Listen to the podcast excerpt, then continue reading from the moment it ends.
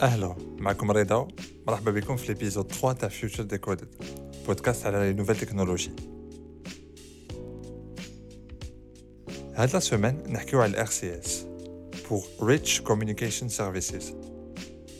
نحكيو ensuite على لو لونسمون ريوسي تاع لا فوزي سبيس اكس Et à la fin, نفهمو كيفاش راكم كل يوم تعاونوا جوجل باش يلاميليور سون انتيليجنس ارتيفيسيال بلا ما على بالكم يلا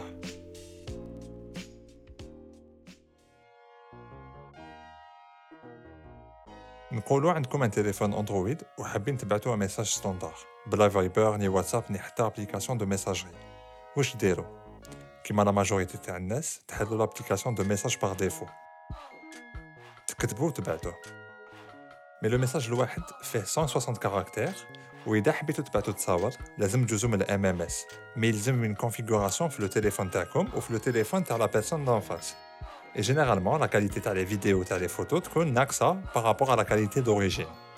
هاد الحكاية كامل على جال جوجل qui n'a pas vraiment développé هاد la fonctionnalité في Android par rapport l'iMessage في الايفون.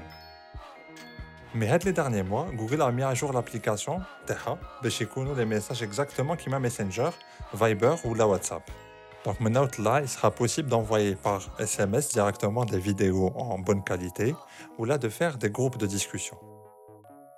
Et là, là, ce n'est pas une application Zeta, mais c'est juste une option qui sera disponible comme les téléphones sous Android. Voici le RCS pour Rich Communication Services. Je vais comme très rapidement. Ida, vous utilisez un téléphone Android et que l'opérateur autorise le RCS. Te bat un message, il met les serveurs à l'opérateur. Oui, à ce moment, il te le serveur à l'opérateur deuxième. Il, il est différent.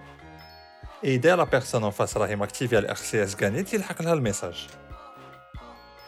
Je pense que la technologie va vraiment plus améliorée par rapport au SMS standard Peut-être même que le RCS va le SMS carrément.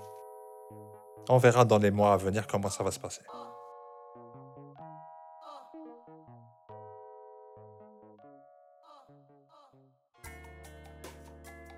la semaine, la NASA a une fusée de la station spatiale l'ISS, avec l'aide de l'entreprise privée SpaceX, Elon Musk.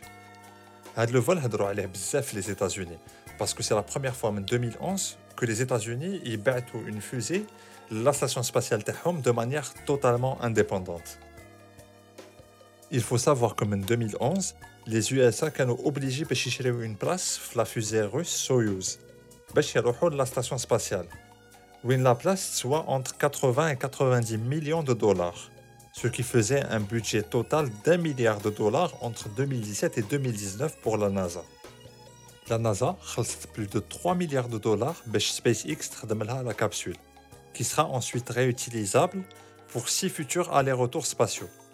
Il faut savoir que l'entreprise Elon Musk SpaceX a déjà des cargaisons vers l'ISS depuis 2012. Mais c'est la première fois que la NASA lui confie sa ressource la plus stratégique et plus précieuse, ses astronautes. Elon Musk, c'est un pas de plus vers habiter, c'est-à-dire créer des vols commerciaux de la Terre à Mars d'ici 2025.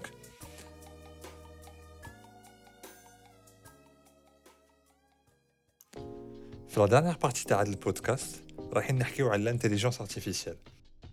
Nous allons voir comment, avec les petites actions faisons chaque jour, nous allons aider de grandes entreprises à améliorer leur système.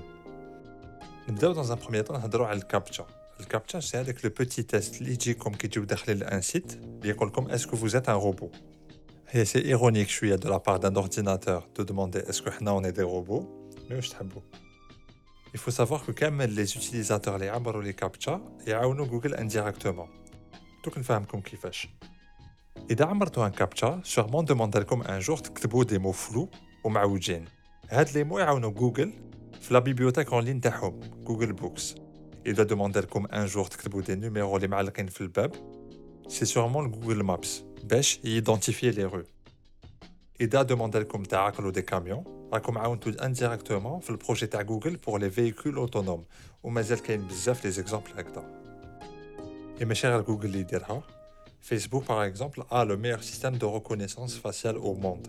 Et à un moment, qu'une personne te bat sur Facebook, automatiquement, il tag de la personne. يشوف dans quelles conditions la photo a été prise إذا en intérieur إذا في البحر إذا في الغابة et en parallèle إذا la photo n'a pas sa place sur Facebook c'est-à-dire qu'elle respecte pas les règles de Facebook le système la supprime automatiquement